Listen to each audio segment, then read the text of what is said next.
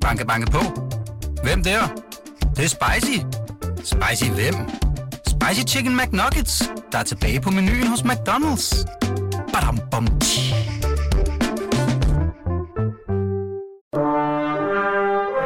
Du lytter til Radio 24 Velkommen til Huxi og det gode gamle folketing med Huxi Bak. God formiddag og rigtig hjertelig velkommen til det gode gamle folketing, også her fra formandstolen, hvor jeg er ufortrødent vil erklære mødet for åbent. Med mig i dag har jeg, ja, nu siger jeg det igen, tre ronkedorer. jeg, ved, jeg kunne ikke rigtig finde ud af, om det faldt live lidt for brystet, at jeg tidligere i dag havde, øh, havde udnævnt jer til ronkedor, men det er, det er kærligt ment, det er godt ment. Det er jo nogle sjældne folk. Det er også meget smukke. Ja. Jamen, det er da de store, ja. edle, gamle handelefanter, der intet glemmer. Det er det. Og øh, erfaringsramte. Aldrig bære af. Al, ja, det, det kan vi jo så lige lade de næste to timer afgøre, hvor vi er henne med det. Men I skal i hvert fald være rigtig hjertelig velkommen. Eivind Vesselbo, Nils Alman Olsen og Preben Vilhjelm, alle sammen, ja nu skal vi passe på med at køre metaforen helt ud, tidligere medlemmer af Folketinget. Ja. For øh, Eivinds øh, vedkommende Venstre, for Nils' vedkommende De Konservative, og for Prebens vedkommende VS. De her er rigtig hjertelig velkommen. Øh, Foran os har vi et øh, par timer, hvor vi skal forbi forsvarsbudgetterne. Claus Hjort Frederiksen øh, har øh, fået ravet 4,5 milliard mere, til, jeg vil lige vil sige til sig, men øh, trods alt dog til øh, forsvaret, og han har, øh, han har krøbet til korset og sagt, jamen det er simpelthen, altså fordi Donald Trump har været ude og sige, at, at det skal vi. Og så synes vi ikke, vi sådan vil stikke ud. Den vender vi øh, lidt senere i dag. Vi skal snakke om den øh, efterhånden øh, langvarige diskussion om differentieret pension. Øh, der er indtil flere forslag til vedtagelse klar på skrivebordet. Et fra Christian Thulesen et fra Socialdemokraterne, et fra Venstre, et fra Venstre og Dansk Folkeparti. Det er... Øh, det kan være svært at blive klog på, men jeg håber jo, at de, øh, de tre erfarne herrer her kan, kan oplyse os en lille smule mere og så handler det jo om vilje, siger Mathias Fejer. Det er simpelthen viljen til tidlig pension. Det vender vi. Lidt senere, så skal vi også forbi øh, et borgerforslag om en klimalov. Men vi starter et helt andet sted. For, formand, inden, ja. inden vi starter, måtte jeg så få et ekstra punkt uden for dagsordenen. Nils Alman Olsen, det må du gerne. Uden for dagsordenen. Gerne. Helt undtagelsesvis. Ja.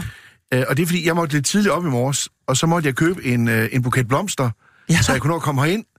Og det er, det er historisk, at øh, en venstremand skal blomstre en konservativ. Lad os nu være ærlige. Det er historisk. Men der er en god grund til, at du skal have den. Øh, Eivind, værsgo. Tak skal du have. Velfortjent. Og øh, historien bag det er, at vi her i programmet på et tidspunkt, da hele Brita-sagen sprang i luften. Ja, altså da, Socialministeriet og hele... Ja, hele den svindelsag, hvor Brita, ja. Brita sugede millioner ud af statskassen, øh, der drøftede vi sagen, og der fik vi øh, meget klar, og jeg kan godt huske det, klar melding om, hvordan et ualmindeligt dygtigt og flittigt socialudvalgsmedlem i Folketinget havde boret i de forhold, der førte til den svindel. Og det var Eivind Vesselbo. Og jeg kom så til at sige her, at jeg synes, Eivind fortjener virkelig en buket blomster for det, han gjorde. Og problemet er, at jeg har sådan set bare glemt at aflevere blomsterne. men jeg tænkte, det måtte være nu. Det er godt. Velfortjent. Hvis de har stået der siden. Så ja, ja, de er både friske og i orden. Nå, det er så, godt. Ja, men ellers, så det var, jeg synes, de er velfortjente. Men ellers, det må jeg sige mange, mange tak for. Det, uh, det er en stor glæde, at man også bliver, får, får lidt anerkendelse for de ting, man har gjort. Ja, men det gjorde du virkelig. Tak skal du have. Det var flot gjort. Tak. Til, jamen, øh, vi, også tak herfra, Eivind. Det var glimrende. Så øh, jeg vil glæde mig til, altså, hvis, man, hvis der kommer kattetunger og chokoladeæsker i næste uge, man er jo velkommen til at give gaver hen over bordet her. Man skal bare sin mund her i programmet. Nej, det kan man jamen, selvfølgelig det, sige. det er helt op til at selv. Jamen, det synes Nej, jeg var en, en fin gestus, Niels. Tak. tak. Men Velkommen. det stopper os ikke. Det stopper os ikke. Vi skal til en... Og jeg ved ikke, om der skal deles buketter ud her, men der kan du jo lige øh, notere, Niels Alman Olsen. Fordi det handler om... Øh, ja, i første omgang Klimaministeriet med Lars Christian Lilleholdt i spidsen. Øh, og vi skal tilbage til en sag, som vi har drøftet flere gange her i det gode gamle Folketing, nemlig salget af Ørsteds elselskab Radius. Altså det tidligere Dong. De har en, øh, en mindre afdeling, øh, som ligesom sælger el, og den vil de gerne af med, fordi man, vil, man skal bruge 200 milliarder øh, til det store sats på vindmøller. Og derfor vil man øh, sælge Radius fra og bruge pengene på noget andet. Øh, det behøver jeg nok ikke fortælle faste lyttere, det gik så i vasken. fordi der var øh, alle mulige former for tumult. Men der er en lille interessant detalje, som, øh, som jeg faldt over her til morgen.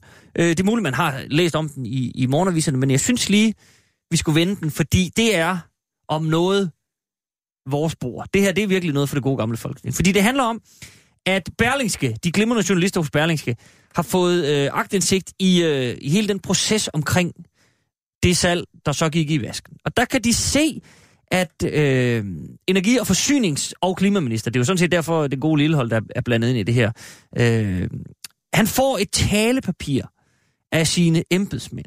I fald nogen skulle spørge ham, øh, hvordan man har det med salget af radius, hvis nogle udenlandske interessenter skulle købe sig ind. Der er jo nogle spor fra, fra, øh, fra Dong og Goldman Sachs, der, der skræmmer en lille smule her. Så man ved godt, det kan være, der er nogen, der spørger om det. Hvad skal ministeren så svare?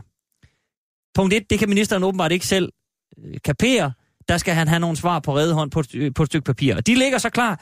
Og der skulle han blandt andet sige, og nu citerer jeg fra øh, ministeriets materiale, han skulle sige, at Danmark, citat, skal være meget varsomme med, hvem vi sælger vores kritiske infrastruktur til. Det er den sætning. Man kan sige, det er jo ikke øh, nødvendigvis øh, særlig skræmmende. Tværtimod er det vel sådan... Det er, klogt. det er jo sådan set meget klogt. Vi skal jo ikke sælge til hvem som helst. Øh, det spøjse er så, at den øh, formulering ryger forbi Finansministeriet.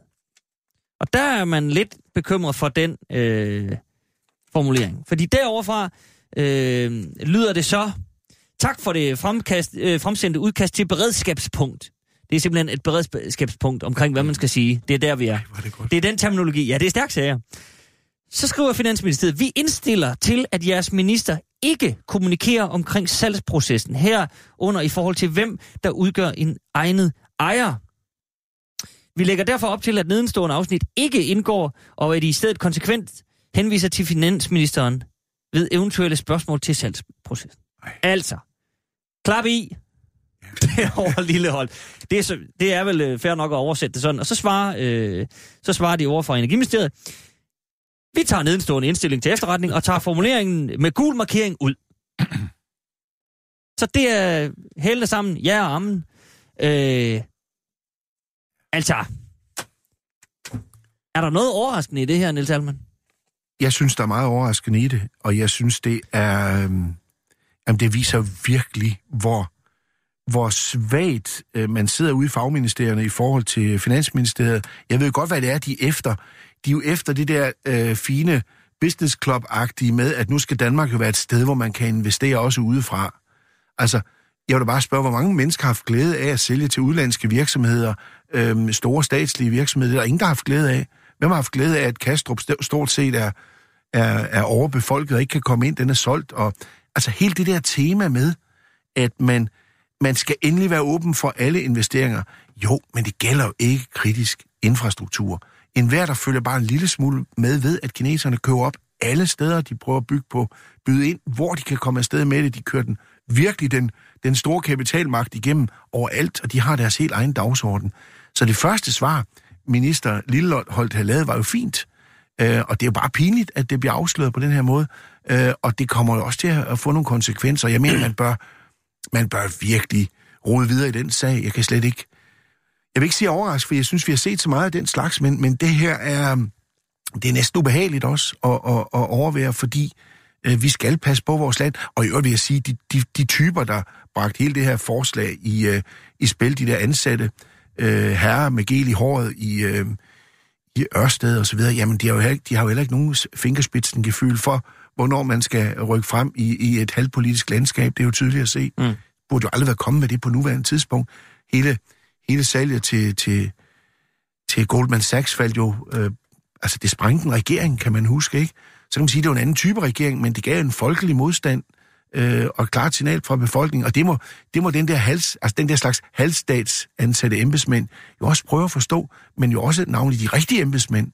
Ærligt, jeg synes, det er rystende faktisk. Det synes jeg. Prem William, sådan, et, øh, sådan en, en, en mailudveksling her. Mm-hmm. Altså for mig at se understreger det på en eller anden måde, at, at øh, man har sådan nogle, nogle ja, nu siger jeg det lidt, øh, lidt groft, nogle hånddukke-ministerier, som ligesom, så sidder man og råder med lidt, men at det bliver, altså alting bliver dikteret fra Finansministeriet, og sådan er det bare. Men der, man tænker ikke en selvstændig tanke ned i Klimaministeriet. Er det et... Øh... Ja, der er jo nogen, der har tænkt en selvstændig tanke, men det er jo ikke ministeren.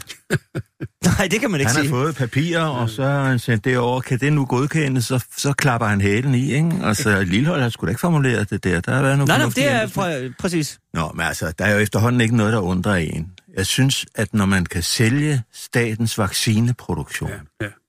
til en arabisk oliesjejk i skattely, og tror, man får 112 millioner for den, og så viser det sig, at man taber 1,4 milliarder. Hvad skete den da med pengene? Men statens vaccineproduktion, hele vores beredskab over for epidemier osv., har været i trygge hænder i Serum Instituttet i årtier. Og hvad man ellers har solgt, det er velfungerende øh, SIO-system. Solgt. Den velfungerende statsanstalt for livsforsikring. Solgt. Og så videre, og så videre. Overformynderiet. Velfungerende. Overskud til staten. Det gjorde, det gjorde SIO-posten også. Solgt. Og altså, det er simpelthen, der er nogen her, der, og så lægger man altid den offentlige sektor for, det fungerer ikke. Vel? Der er masser af de der foretagende, der har fungeret enormt fint. Gebyrfrit. Hele SIO-systemet var gebyrfrit og opførte sig fuldstændig som, som bank og vejleder for små øh, erhvervsdrivende. De havde hele deres regnskab på de små lille blanketter. De behøvede ikke nogen revisor. Det hele lå der.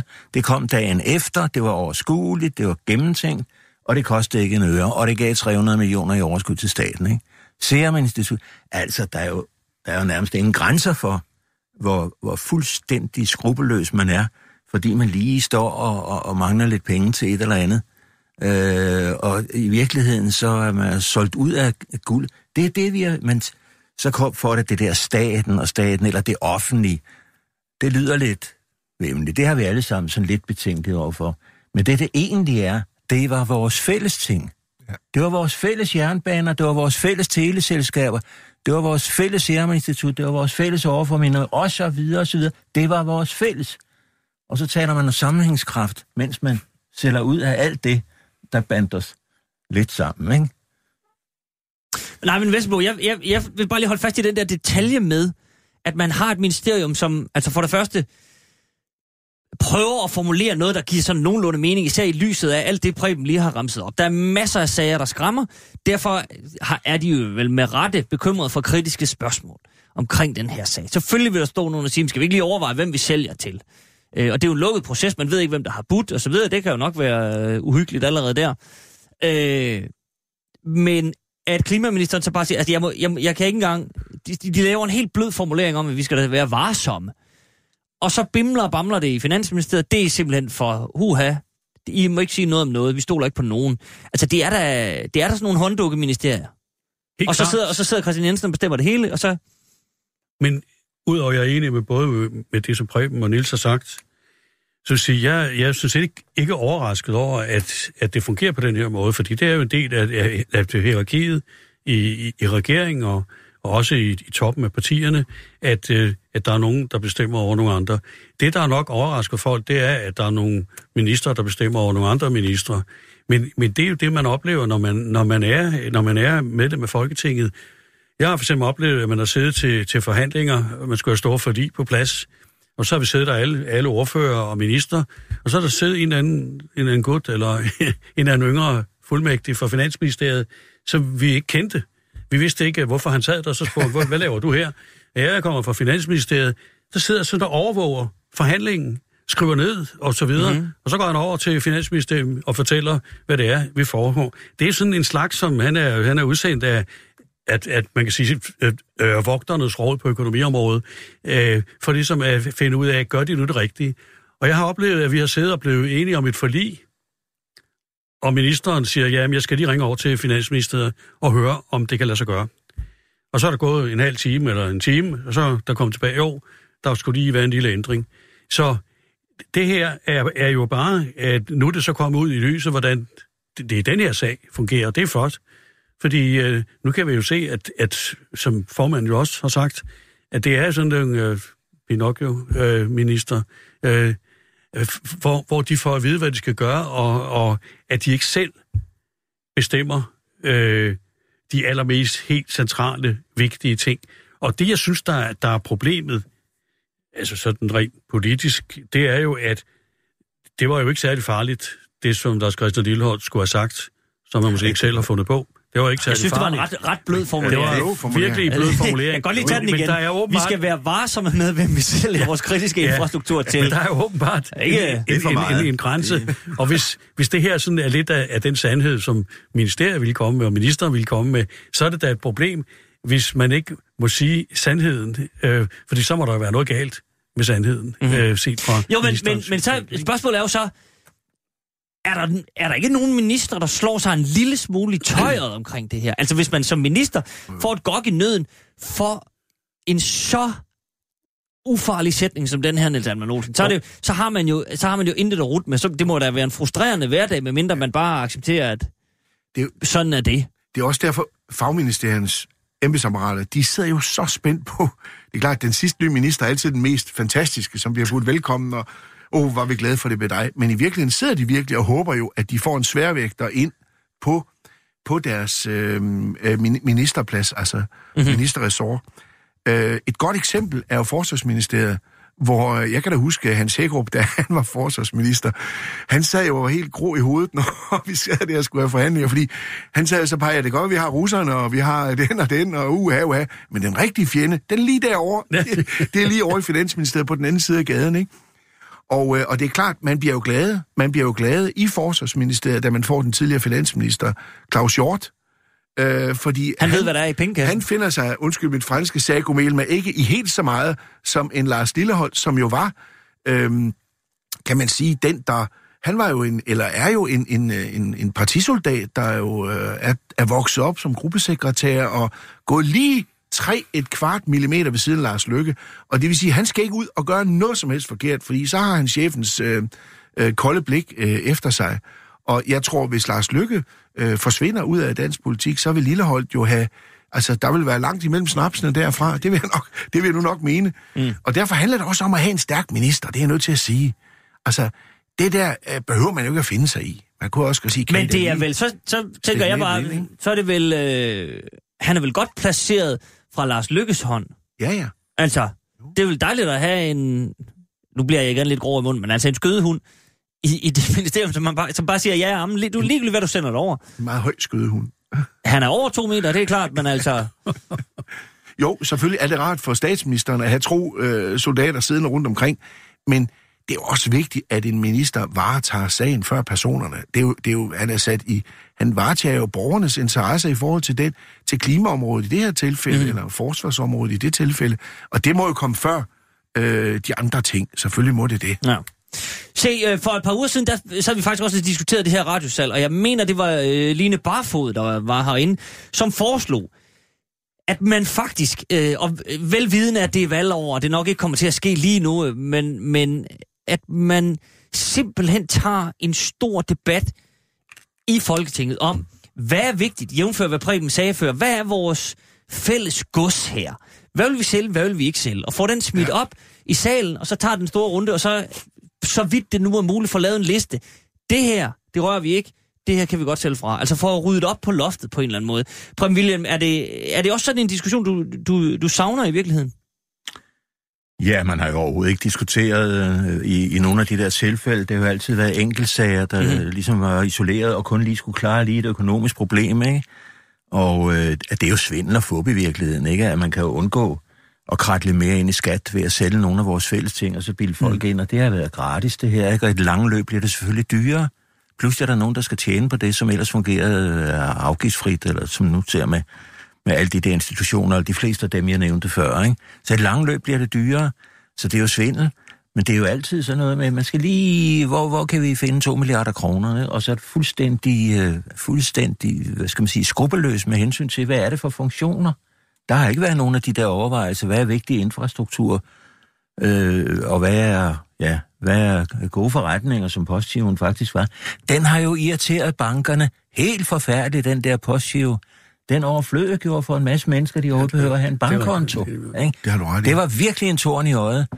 Og der så øh, kampmand, Jens Kampmand, der fik tilnavnet Post, Post, han havde jo en idé om at gøre postgiven til en egentlig statsbank. Der blev de jo furiøst rasende Og så var der om at komme af med den i en fart, ikke? Og så røg den ud på og albuer, ikke? Til ingen penge.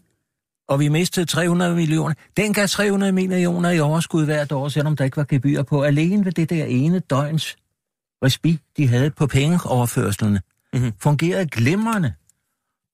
Og siden har der ikke været noget service men, men, der, og så er vi overladt til nogle banker, der bør, er mindre og mindre service. Bør der så ikke være, uh, tages en stor debat og sagt, nu laver jo. vi en liste over, hvad der er kritisk ja. infrastruktur. Det er den formulering, de hele tiden bruger. Og måske, hvad vi skal købe tilbage. Ja, og, ja det er også det. Altså, jeg, jeg må sige, jeg har øh, stor respekt for, for, for Preben William her, og så plejer det at komme et eller andet mænd, og så en eller anden sviner. Det gør der ikke her.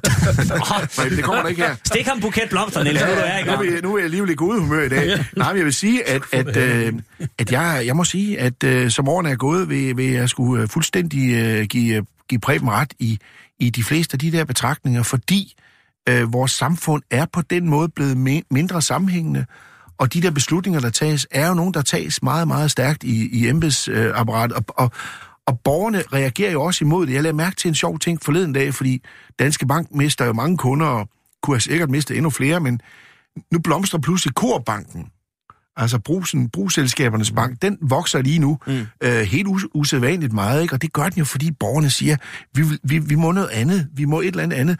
Og, og, øhm, og man må også sige, at øh, mange af mange af de der øh, institutioner og bankerne har jo også været med til, at øh, der er ikke nogen, der tager risiko længere. Altså man kan godt gå og tale et lille land som, som Danmark med masser af underleverandører og små erhvervsdrivende osv. Der er jo ikke nogen, der tager en risiko.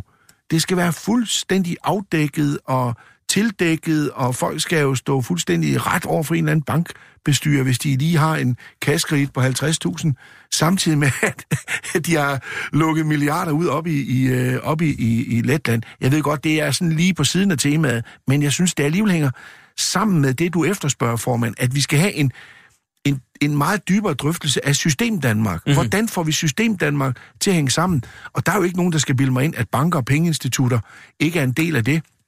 Folk har talt om vores postvæsen, helt klar over diskussion med, med internettet og e-mails osv. osv.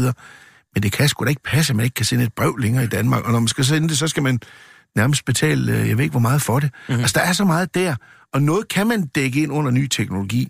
Men vi styrer jo elementerne, bør styre elementerne, og ikke lade elementerne styre os. Og de der meget kortsigtede behov for lige på den her finanslov at skære en kage her, skære en kage der, Øh, og som Preben rigtig siger, det går jo ud over samlingskraften mm. i vores samfund. Så ja, der ja. er jeg, der er blevet lidt klogere, vil jeg sige. Eivind? Ja. Jo, men jeg er til det enige i, at det er vigtigt, at vi får et, øh, vi får et overblik over, hvad, hvad er det, der ligesom er en, et fundament for samfundet i de institutioner, der er. Øh, og i øh, og ligesom få en mulighed for at få et overblik over, som man kunne sige, det der sætter vi stop for, hvis der er nogen, der finder på, at vi gør noget ved det område. Øh, og jeg synes, det er så en ting, det er, at man, er, man, er, man har solgt de der ting, og man, der kommer helt sikkert flere forslag. Men det er også spørgsmålet om, hvem man sælger det til. For der er jeg enig med, med Preben. Jeg, man er vidt, vidt forundret over, at man kan sende den der vaccinefunktion fra Serum Instituttet til et saudiarabisk foretagende. I forvejen, så er der vildt debat om, at, øh, at muslimer er nogle værre nogen, og, og så videre, og så videre. Og så sælger man gå hjælp med til Saudi-Arabien øh, en meget, meget vigtig funktion i det danske samfund. Mm-hmm. Øh, og så i øvrigt taber en masse penge på det. Så jeg synes, man har set eksempler på, at det er ikke bare det, at man har solgt det, men også dem, man har solgt det til, mm. har været problematisk. Men, der, men der, den går vel på to ben, øh, Eivind, og det, det kan vi jo altid tage, men, men øh, første skridt må vel være, vil vi sælge? Og så er andet skridt, hvem, hvem sælger ja, vi klart. til? Ja, ja. Altså, øh, I første skridt er det vel ligegyldigt, om vi sælger til øh, en saudiarabisk sheik, eller om vi bare sælger det til Norge.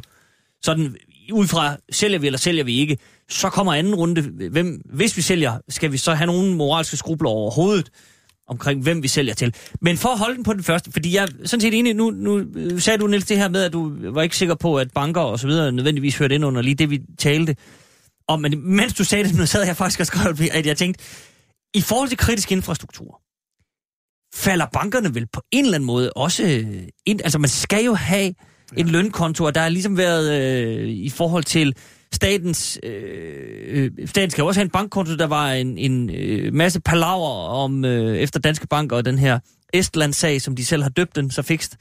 Øh, at hele statens bankvæsen øh, er hos Danske Bank, og det er det fortsat, fordi der er ikke andre, der vil røre ved det. Øh, men om, om, om bankvæsen skal falde ind under System Danmark. Men hele den her diskussion om kritisk infrastruktur, Armin Vesselbo, hvis man skal tage den i, øh, i en folketingssal, så ved jeg godt, at sådan som politikere er indrettet, så inden der er kommet et folketingsvalg, så sker der ikke en skid. Men hvis der så kommer en ny regering, hvordan, hvordan vil man så tage den der? For det er jo en kæmpe diskussion. Jamen det er jo klart, det vil jo være, det vil være jo øh, en diskussion, som, som vil være meget svær at tage, fordi der vil være så mange forskellige indfaldsvinkler og variable i, i, i det, der skal diskuteres. Og øh, der kan også være mange forskelligheder i forhold til den infrastruktur, som man så drøfter, om man, øh, hvad man skal gøre ved det ene og hvad det andet. Så, øh, men, men det skal jo ikke betyde, at man ikke prøver at få et overblik over det og få en eller anden indfaldsting, indfaldsvinkel, hvordan man i Folketinget kunne tænke sig at gribe de her ting an fremover. Så, så det ikke bare bliver sådan en eller anden tilfældighed, nu, nu sætter vi lige det der, vi skal have 3-4 milliarder, og så videre, så det får man ikke alligevel. Så, øh, men selvom nogle, nogle debatter kan være vanskelige og komplicerede, og, og, og der er store problemer med at finde ud af øh, indholdet af dem, så skal man ikke undgå at tage dem jo. Præcis. Men, men vil det, tror du, det vil lykkes, Preben? Altså, øh, kan man, få, kan man få den talt op, sådan at de samlede partier i Folketinget vil sige, fint, vi, vi, vi er nødt til at tage en diskussion på det her, eller er der interesser, der taler imod, at man får defineret klart, hvad kritisk infrastruktur er? Jamen, der er jo andre områder, hvor vi faktisk prøver at udskille, hvad er den kritiske infrastruktur, hvad er det nødvendigt, at øh, samfundet er nødt til at have sikkerhed for at, at kunne beskytte osv. Øh, hele det her nye øh, med, med cybertrusler, der foretager man jo den distinktion. Der har man jo valgt at sige, hvad er det for nogle øh, funktioner, der er livsnødvendige for, at samfundet kan fungere, og dem må vi så prøve. Altså, den samme Frederiksen, det der finansminister, ikke? han er jo god til at finde en masse penge til F1, og de skal lave det nu. Det sidste forslag, det er jo altså, at deres cyberenhed skal kunne tvinge virksomhederne til at indgå i noget, hvor man skal lægge fælder for de ansatte for at, at sikre sig mod hullerne i, i cyberverdenen. Ikke? Mm. Altså, der var en gang, hvor man ville løse sådan noget med kurser. Kurser til de ansatte. Hvor ligger fælderne? Hvad de skal passe ja. på? Nu vil man fandme løse det ved, at man lægger fælder ud og sender falske mails fra, fra en kollega og så videre, for at få dem til at gå i fælden, så man kan afsløre det. Jamen, det er jo, altså, det er jo, det er jo en skråplan ud. Nu vil jeg over noget lidt andet, og dybt betænkeligt i mine øjne, at bruge agenter og lægge fælder, som nogle gange kan bestå i, at det er en falsk mail fra en kollega. Altså, hvordan vil det foregå i de institutioner i fremtiden, når de ved, at de kan risikere at få en falsk mail fra en kollega? De er jo nødt til at sætte forretningsgangen ned til en tiende del hastighed for at sikre sig mod, ja. at det ikke er FE, der sender de der mail. Altså, det er så langt ude, ikke? Mm-hmm. For, for Ja, i optakten til vores retsstat, der brugte man jo politiagenter. Ikke? Der Dr. Dampe som den første, der formulerede en, en fri forfatning allerede i 1820'erne, ikke? og blev dødsdømt for det, men dog øh, benådet til livs. Han sagde 22 år. Ikke? Øh, da han holdt sit indledende møde, hvor han skulle danne et selskab for den her arbejde for den her frie forfatning, der kom seks mennesker. Ikke? De fire af dem var regeringens spioner, og de to andre, det var hammer og en smedemester, var det vist, ikke? Som begge to blev, blev okay. idømt livsvej. Så det gik fint? Ja, ja. det, og man det skræmmer lidt nu, Preben. Agenter mod den nye arbejde. Altså, da man lavede retsdagen, der var man fuldstændig klar over, at erfaringer med de der hemmelige agenter, det sagde, sådan noget skal vi aldrig have. Og nu vi indfører dem mere og mere, og det sidste, det er altså mm. i forgårs, ikke? Der kommer, at vi skal have agenter ind i virksomheden, og, og PET skal kunne pålægge dem at bruge deres agenter til at afsløre læk i cyber. Altså, men, handler, men så, så spørger jeg bare lige igen om, om øh, det her med at få defineret klart, hvad kritisk infrastruktur er, bliver svært, også på grund af sådan noget der, at der vil hele tiden sidde kræfter, øh, som er øh, øh, nervøse, berettiget eller uberettiget nervøse, og, og altid kan se en trussel et eller andet sted, om det så er Kina, som Nils taler om, eller det er russiske hacker, som man også taler om, øh, eller om det på den anden side, der er jo også, øh, Ørsted selv var jo ude og sige, jamen altså, vi er frygtelig ked af, og det tror jeg øvrigt også finansministeren sagde, vi er så ked af, at øh, Radio er blevet solgt, fordi det her, det spænder jo ben for den grønne omstilling. Ja. Altså, hvis ikke vi får ja, ja. solgt radio, så har vi ikke de penge, vi skal bruge til den grønne omstilling. Nu kommer der ingen vindmøller. Nej, nej, det var rigtig flot gjort af dem. Men, men man kan sige, skal vi lige gå lidt op i helikopteren, så er er det her jo også en konsekvens af, at vi har en lille, meget unaturlig svag regering. Ja. Altså, vi er bare nødt til at sige det. Og, øh, og, og, og jeg har sådan set et meget stort ønske for, for næste folketing, det er, at vi virkelig kan prøve at få lavet en bred, stærk regering, som kan række ind over og tage de der grundige debatter. Altså, hvis du, havde, øh, hvis du har sådan en lille regering med et næststørste borgerlige parti, nu med sidder med, med, med ikke ret mange mandater, der først prøvede sig selv, og altså det har jo hudlet afsted, så Mm. må vi jo sige, ikke? Det er jo en konsekvens også af det. Og det der, som, som Preben siger nu her, er jo gamle, salige Han Hansen, ville jo have vendt sig, ville jo vende sig Ja, i sin ja. grav, ikke? Altså alle mange af de der, hvor, hvor vores partier jo så fuldstændig ens på de der ting, det der skal være fundamentalt på plads, og man kan ikke tillade sig, at det eroderer. Og derfor skal du op, og der kommer man så udenom det, du siger, formand, at der så vil være særinteresser, det ene er, hvis du har et, en, så vi skal have en stærk øh, regering, der kan, der kan sige, okay, nu gør vi det. Og jeg tror måske, at øhm, så ved man godt, ja, hvad kommer der nu, og, og kommer der en, en samlingsregering-agtig sag, hvor, hvor, hvor, hvor Mette Frederiksen kommer til at køre med, med Tulle Dahl, men det bliver jo øh, under, under andet sted i hvert fald en eller anden, et eller andet sted en, en stærkere konstellation, sådan rent parlamentarisk, end den vi har i dag. Mm. Men, øh, men øh, jeg tror, vi skal over. Der sker ikke noget, lad mig sige på den måde, uden jeg skal sidde og tale for den løsning, så vil jeg bare sige, der sker ikke noget, før vi får den der stærke regering og en stærk regeringsledelse, der kan sætte sig igennem på det. Det er jeg bange for. Men man kan i hvert fald sige, at hvis du efterlyser en bred konstellation, og det skal være nogenlunde lade sig gørligt, Ja. så er det vel den. Så Jo, er det Dansk. Folkeparti og Socialdemokraterne, ikke? Så er det den, vi ser Nej, men Vesterbro så her. lidt bekymret nu. Nu hører jeg lige... Ja, ja, men jeg blev lidt bekymret, Ja. fordi det er jo ikke nok, okay. at man får en stærk regering. Det afhænger jo af, hvilken politik den fører. Netop, Og det- der er ingen grund til at tro, at den vil altså, være fordi mere... du får en stærk mand, det har vi jo set før, Jo, jo, så jo, er det jo jo, ikke jo. særlig godt øh, nødvendigvis. Og, og, og hvis den regering bare vil køre videre med det, som, som, som, som Preben problematiserede før, så synes jeg ikke, det er godt at få en stærk regering Forstår på, det, godt, på de mener. præmisser. Hvis og det, er, tænker og det er jeg helt sikker på, at du heller ikke mener. Nej, nej. Nej, Ja, ja, men, øh. men altså det der med at få en stærk regering, det afhænger helt sikkert af, og helt, helt klart af, hvad er det, den her stærke regering har tænkt sig at, at, at gøre, blandt andet også på det her meget vigtige område. Men, men Ja, ja, undskyld Og bare det er, hvis de tænker på samme måde som hidtil, så ændrer det jo ikke noget som helst. Fordi vi kan jo godt lige os at være så bagklogere, at vi også kigger på det forrige salg fra Ørsted dengang. Det er en af til vores øh, kolleger her det i er det jo gode gamle. fuldstændig dokumenteret, at det firma havde så mange værdier, at man sagtens havde kunne låne de penge, hvor som helst stort set, ikke? For eksempel ved statsgaranti, men det kunne også være andre, det kunne være pensionskasser. Men de havde en lang investeringshorisont, og derfor havde de akut brug for nogle penge.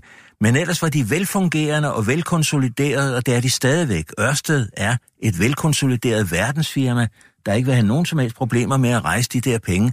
Og det kan da godt være, det er fornuftigt at skille, at skille radius ud fra Ørsted, men hvorfor sælge til en eller anden oliesjejk, eller hvem det nu er? Hvorfor ikke gøre det til et andet uafhængigt statsligt selskab? Vi kunne have lånt øh, Ørsted de penge der, i stedet for at sælge til Goldman Sachs, som tjente, var det 12 milliarder i løbet af halvandet år, eller sådan noget. Fuldstændig tåbeligt. Og vi kan gøre det samme med denne her, fordi det kan godt være, at de har akut brug for pengene for at lave den grønne omstilling, men det er jo ikke, fordi de ikke har de penge i lange løb. Det er et velkonsolideret firma.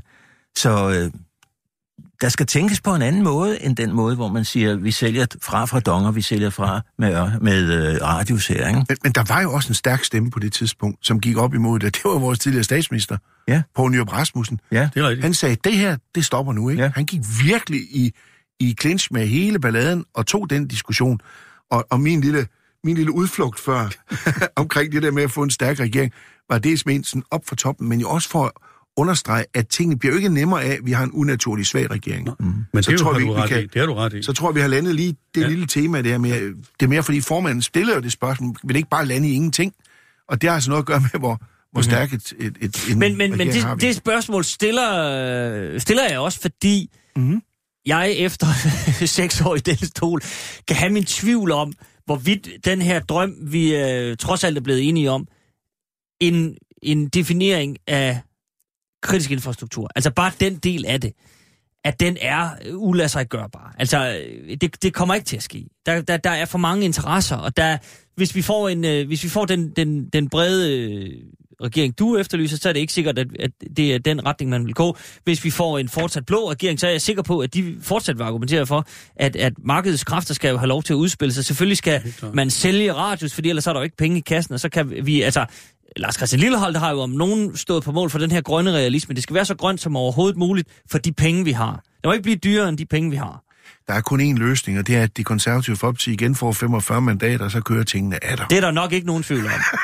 Og kan vi få Slytter trillet ind igen? Jo, men Altså, øh, ja, så Ja, ja, der er det var sådan vej. for at komme er- med en løsning. Der er et stykke vej nu. Jo, jo, men, Men man har altid der er snart et valg, jo. Jamen, det er, synes det er meget godt. øh, Ja. Jo, men altså, de har, I, I har jo ikke Slytter, I har jo ikke Connie Hedegaard, I har jo ikke en Niels William, I har jo ikke nogen, I har Nasser Carter på alle poster. Hvordan helvede man har i det der gode, gamle, solide parti, kan sætte den der... Ja, undskyld mig. Du må ikke kalde syr.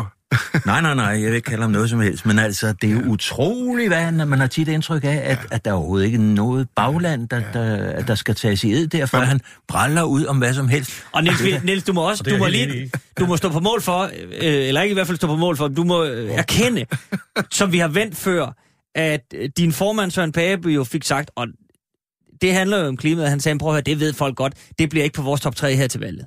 Og han var, ja ja, og han var ude at trække i land, og så videre, Jo, jo, jo, jo, men, den første, men du- men, men strategitanken var, Jo, jo. klimaet, det er ikke noget, vi arbejder med Jo, heroppe til jeg må valget. desværre sige, jeg må desværre sige, at øh, når vi Og jeg synes heller vi hører ret meget til lige nu. lige kom, er kommet til at sætte fokus på mit eget parti, så vil jeg sige, der var en, en stedfortræder, Erik Lund, et byrådsmedlem fra Ja. ja. Allerød, Ja. der også var ude og dumme sig voldsomt her, faktisk for få dage siden, netop omkring klimaspørgsmålet. Vi skulle endelig ikke, og den her folke, er rigtigt.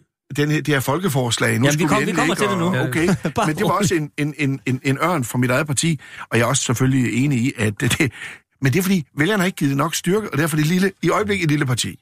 Jo, men, Men, der, det ændrer sig jo nu men, efter valget. men det, der må man sige, at hvis konservative virkelig ville markere sig som et grønt parti, Ja. så skulle de gøre noget ved det. Jeg prøver, jeg er helt enig. Fordi, Prøv fordi det er ikke nok at sige, at vi er grønne, men bliver ikke grøn af Prøv, bare at at- sige, prøv, at jeg, har jo selv, jeg har jo selv været med til øh, at bygge videre på Ole Bjørn, øh, Ole Bjørn, hvad hedder det, øh, Ole Band Henriksens Ja. linje i sin tid, og vi var, og, og der må, må man jo sige, vi gjorde virkelig, hvad vi kunne dengang, for at få lagt et ordentligt grundlag. Vi havde det, det, det grønne flertal, som vi kan huske, det, det kan jeg Preben jo huske sammen med Christian Christensen, og vi fik egentlig lagt med konservativ styrke alle grundlovene på plads. Mm. Forsuringslov, affaldslov, planlov, vandbeskyttelseslov osv.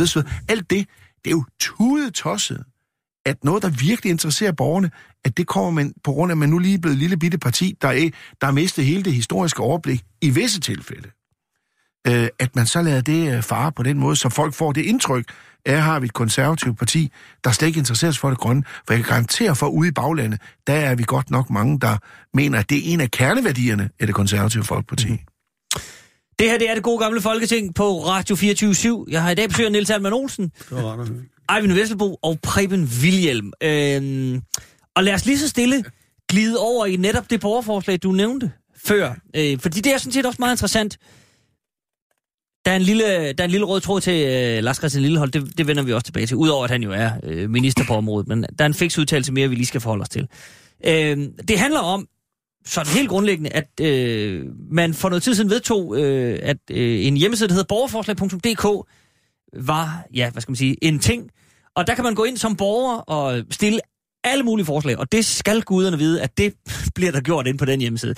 Øhm, hvis man så når op på 50.000 underskrifter til et forslag, så skal det tages op i Folketingssalen. Med det lille arbejderbej, at Folketingssalen skal også lige sige, at det gider vi godt. Og det øh, har de så besluttet sig for nu her, det gider de ikke. Øh, for det fik på rekordtid 50.000 øh, underskrifter. Det her forslag, som kom fra 11 øh, forskellige øh, organisationer, blandt andet øh, nogle grønne organisationer, Folkekirkens Nødhjælp og andre øh, forskellige, gik sammen og sagde, vi er simpelthen nødt til at få en stor samlet klimalov. Det er lige præcis det, vi trænger til, og vi vil gerne prøve at presse lidt på i forhold til vores folketing. Ja. 50.000 øh, underskrifter i løbet af 0,5. Øh, og det handler i virkeligheden, øh, øh, hovedpunkterne lyder sådan her, Danmark skal yde sit bidrag til at nå Paris-hotellens mål. Øh, der skal sættes femårige delmål, mest fem, mindst 15 år frem.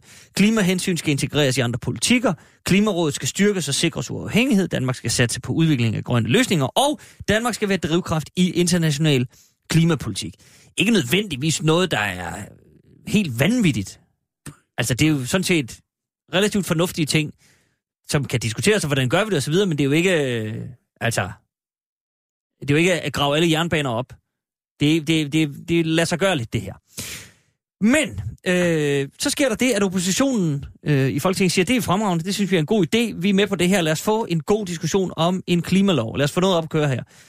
Men så siger regeringen og Dansk Folkeparti, nej tak, blandt andet øh, denne Erik Lund, denne Erik Lund, byrådsmedlem i byrådsmedlem, Allerød. ja, som sagde, det, Han er i Folketinget. jo. PT, jo, han Ja, det er er- inde ja. som han er lige en at vende som Ja. suppleant nemlig. Ja. for den i øvrigt øh, dygtige... Øh, øh, Mette Abildgaard. Mette Abelgaard, Ja, Som er på barsel. som jo gør ret meget på det grønne. Det er rigtigt, Ja, ja. men hendes afløser har så valgt en anden strategi. Ja. Nemlig ikke at gøre noget. Han sagde i hvert fald, det her det er overhovedet ikke noget, man skal blande sig i. Øh, Og så vil jeg bare lige, så kommer Lilleholdt, fordi der er så lige den her lille ting, vi lige skal have med. Lars Christian Lilleholdt, altså ministeren på området, han siger, øh, der er ingen grund til at tage det her forslag op, fordi, citat, regeringen har vist vejen mod at nå Paris-aftalens mål. Det gør vi med EU-målet for 2030 og med målet om netto øh, nul udledning senest i 2050. Og konkret med en bred energiaftale og mange ambitiøse tiltag i klima- og luftudspillet. Og jeg synes, det er det spor, vi skal fortsætte. Handlingsvejen. Og så spidser øre.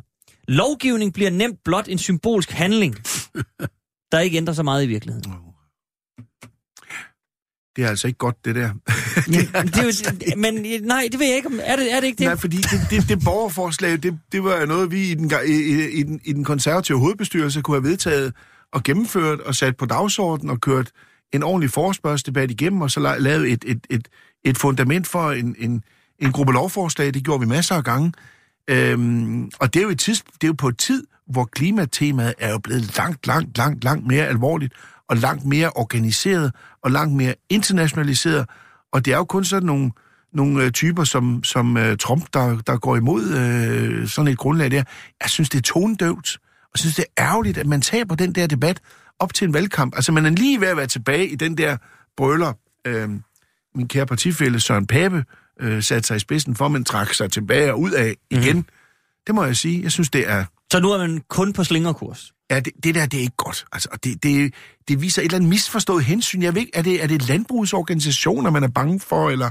Jeg ved ikke, hvem det er, der sidder bag ved at spørge her. Der er der et eller andet, øh, som ikke hænger sammen. Men Ja. ja. Eivind Vestbo, bare sådan helt generelt, altså det her med de borgerforslag, det er vel ligegyldigt. Ej, det mener jeg ikke. Jeg, altså, Nå, men det flytter jo ingenting, hvis, Nej, hvis, det- hvis nej, et det er flertal bare siger, det- ja, jeg skal med det. Jo, men fordi det ikke bliver vedtaget i Folketinget, kan det jo sagtens flytte noget i den offentlige debat, og det er det, der er, det er, det, der er vigtigt her. Jeg, jeg kan huske, da, da det første gang kom frem, det var fortsat, så tænkte jeg, hvad, hvad nu skal det føre til? Øh, fordi det, nogle af de ting vil jo ganske givet ikke blive, blive vedtaget. Men, men, men det her forslag for eksempel, om, om, om, en, om en klimalov og alle de delelementer, der er i det, det er jo noget, som, som så kommer til debat i Folketinget, og så bliver det ikke vedtaget. Det er helt uforståeligt, det forstår jeg ikke.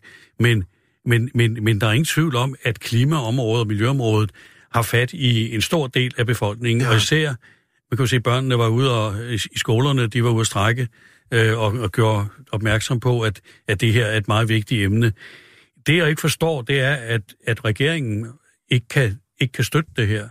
Fordi øh, jeg vil sige, at øh, der i nullerne, da få endelig opdagede, at der var noget, der hed klima, og man ville gøre noget ved det, der vil sige, mange af de her punkter, jeg vil sige, de fleste af dem, dem kunne man egentlig godt have, have, have, have gennemført, øh, eller i hvert fald taget fat på og gennemføre der i, i nullerne på, på klima- og miljøområdet. Så hvad grunden er, jamen det, jeg, jeg, jeg tror, at det har noget at gøre med, at man vil sende et signal blandt andet til landbruget, altså fra venstre side, at øh, I skal ikke blive så hårdt ramt, og trafikken heller ikke, og fordi hvis man skal leve op til noget der, så er man selvfølgelig nødt til at lave nogle ting, der begrænser CO2-udslippet, og det har nogle konsekvenser, men det har jo nok meget større konsekvenser, at man ikke gør det. Altså det, jeg ikke forstår politisk, det er, at regeringen ikke siger, glimrende, der er 50.000 mennesker, og mange, mange flere helt sikkert, som er enige i det her. Vi er sådan set også enige i det meste af det. I regeringen, kunne man jo sige, lad os gå ind og drøfte det, fordi det, der står her, er jo ikke mere håndfast, end at man kan drøfte det. Det er sådan ligesom nogle rammer for, hvad der skal ske fremover. Og jeg synes specielt det der med delmål, det er jo noget, der har manglet, øh, fordi det er jo fint nok at sige, at man vil lave noget i 2030 og 50 og så videre og så videre.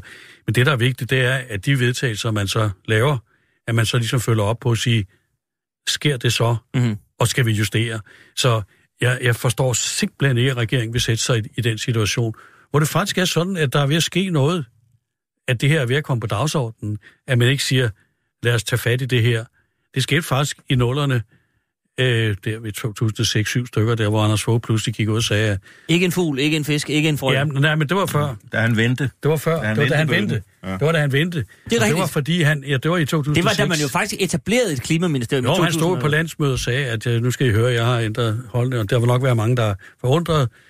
Men, men, men der fik man jo sat, sat, der fik man trods alt sat debatten i gang, og mm. noget i gang på det der område. Og jeg mener også i 80'erne.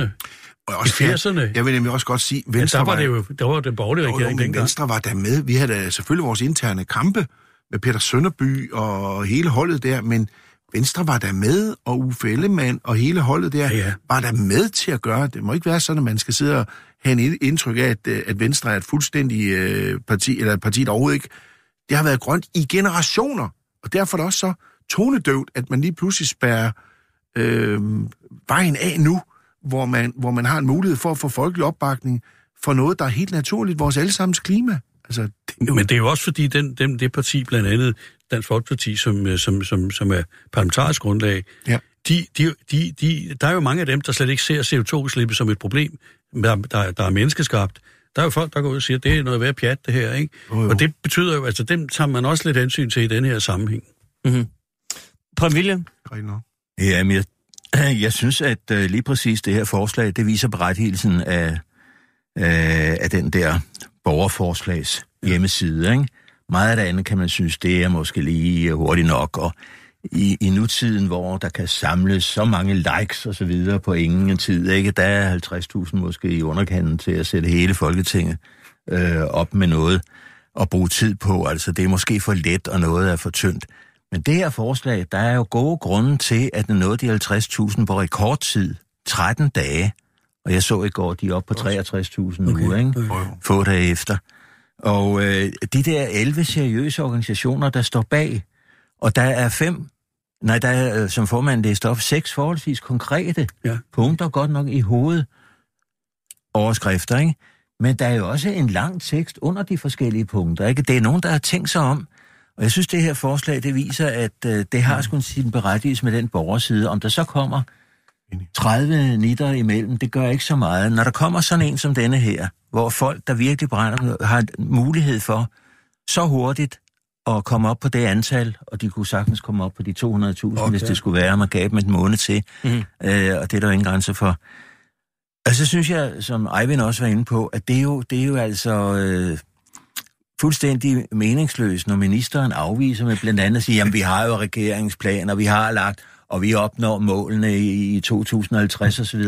Det, der nemlig mangler, det er jo, at der ikke er de delmål. Ja, det er- Hvor de her siger, hver femte år skal I kunne måles på, om I når målene, for ellers tror vi ikke på. Mm. Det er meget godt med dig, Lars Lillehold, men du er død inden 2050. Du kan ikke drages til ansvar for, at du har lavet et falsk fortælling her, ikke? Mm. Det er jo det, der er problemet med den nuværende. Og vi har ovenikøbet set, og det var jo formentlig det, Peter Bik Sørensen blev gået for i klima, det tidligere klimarådsformand, ikke? at de påviste, hvordan de seneste tiltag fra regeringen har knækket den kurve, hvor man ellers var ved at sigte på, at man nåede CO2-nedbringelsen inden for tiden. Nu blev den knækket så voldsomt, at hvis det ikke bliver rettet op, og der har vi brug for de der delmål hver femte år. Netop. Hvis ikke det bliver rettet op, så når vi ikke det, som holder os nede på to, to grader, altså hvis det Mhm. er i vand. Så altså, det- er en falsk begrundelse, han giver, når han siger, jamen vi har jo, regeringen har jo det, det er helt overflødigt det her. Nej, det er netop ikke overflødigt, fordi regeringen har ikke sat delmål op, vi kan måle dem på. De har kun sat noget op, de aldrig nogensinde kan blive draget til ansvar for. Men se, er der så, øh, vil der være ræson i for oppositionen at sige, når man, øh, nu, nu, øh, nu kommer det her borgerforslag osv., osv., den falder så på, øh, på regeringen og Dansk Folkeparti's øh, modvilje, men vil der være ræson i, at oppositionen siger, nu tager vi det her forslag, og så masserer vi det en lille bitte, bitte smule, og så, så blinker vi lige lidt til de konservative og ser, om vi kan få nogen med øh, her, og så stiller vi det igen. Altså bliver ved med at hamre løs på det her forslag, fordi man jo faktisk her har fra 11 uafhængige organisationer et gennemarbejdet forslag. Der er ingen grund til at smide det her ud med badevandet, Niels. Vil, vil, vil det give mening?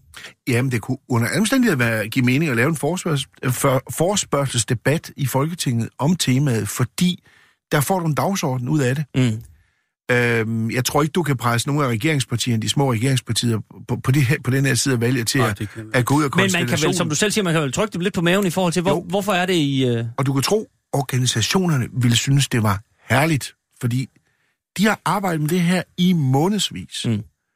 Og de er jo interesseret i at få fastholdt dialogen, fordi de ved jo godt, at hvis Mette Frederiksen kommer til, så kan hun begynde at vakle på samme måde, som den nuværende regering gør. Så kommer hele embedspresset, embedsmandspresset på den nye regering. Og der vil de jo gerne have sat nogle markører op, sådan at Mette Frederiksen som eventuelt ny statsminister bliver nødt til at tage det her alvorligt.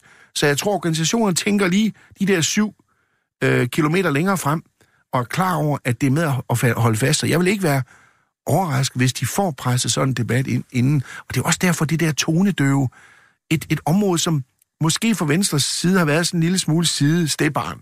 Nu laver vi et klimaministerium, og så, skal vi, så er der styr på det. Det er jo pludselig blevet et fokusområde for borgerne.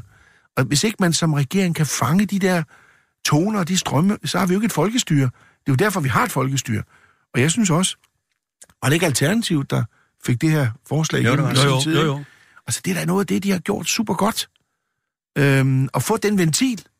Og når ventilen så bliver udløst, og der viser sig at være en baggrund for det, så skal man da ikke folde hænderne og sige, det gider vi ikke at høre om. Mm. Altså, det giver virkelig modstand øh, til et valg. Det vil jeg sige. Ja. Nej, men derfor er det også vigtigt, at det her forslag, det er så gennemarbejdet og så konkret og med seks delmål, eller, og som, som er underbygget, at, at det må man jo arbejde videre med ja. på flere forskellige planer. Som Niels siger, man kunne lave en forspørgselsdebat, øh, og nu kommer det så også til debat, øh, øh, de her 50.000 øh, mennesker på, på, på den baggrund. Men jeg synes også, at man, man også i valgkampen må prøve at få det her op som nogle konkrete ting, og få nogle politikere ud af busken i de her valgmøder, der er, og forklare, hvorfor vil man ikke have delmål? Hvorfor vil man ikke lave en klimalov?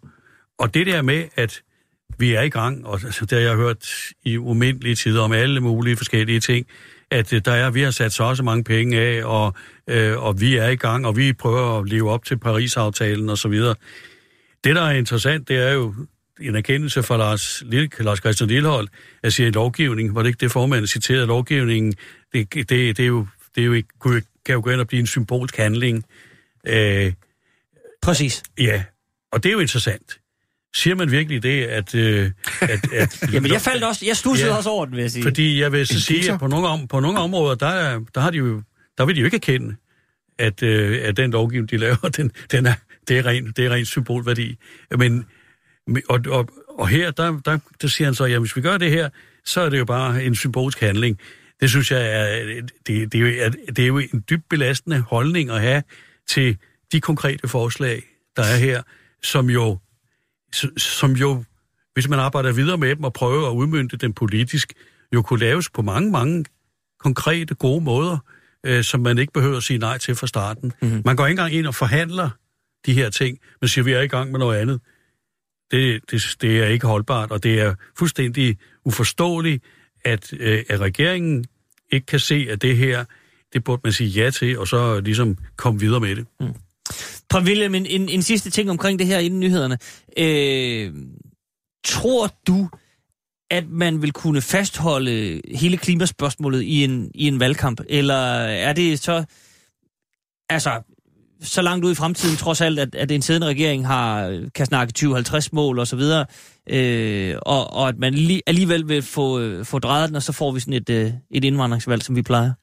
Jeg tror, at øh, det her spørgsmål kan meget velkommen til at spille samme rolle som øh, atomkraften i sin tid. At befolkningens engagement i det her spørgsmål vil tvinge, uanset om det er Mette Frederiksen eller hvem det er, tvinge dem til at foretage sig noget. Altså, der var besluttet atomkraft i Danmark, der udpegede de fem steder. Vi sad, jeg var selv til stede, vi sad og vedtog den der lov. Vi manglede kun de sidste to linjer. Denne lov træder i kraft der og der øh, og vi skulle indkaldes til september til en ekstra samling. I løbet af den sommer, der voksede OA og modstanden og Niels Havsgaards vise, der lige gjorde det ekstra sidste, ikke? til at Socialdemokratiet tog simpelthen ikke komme og gennemføre det der. Og det var altså, jeg synes, det er noget af det samme her omkring Ja, klimaet. Der er så stort et engagement i befolkningen omkring det her spørgsmål, at den kan de ikke slippe for. Mm. Det bliver nødt til at være noget, der udmyndtes i noget konkret, om det lige er de her seks punkter, men noget i den retning efter et valg. Man har da lov at håbe i hvert fald. Ja.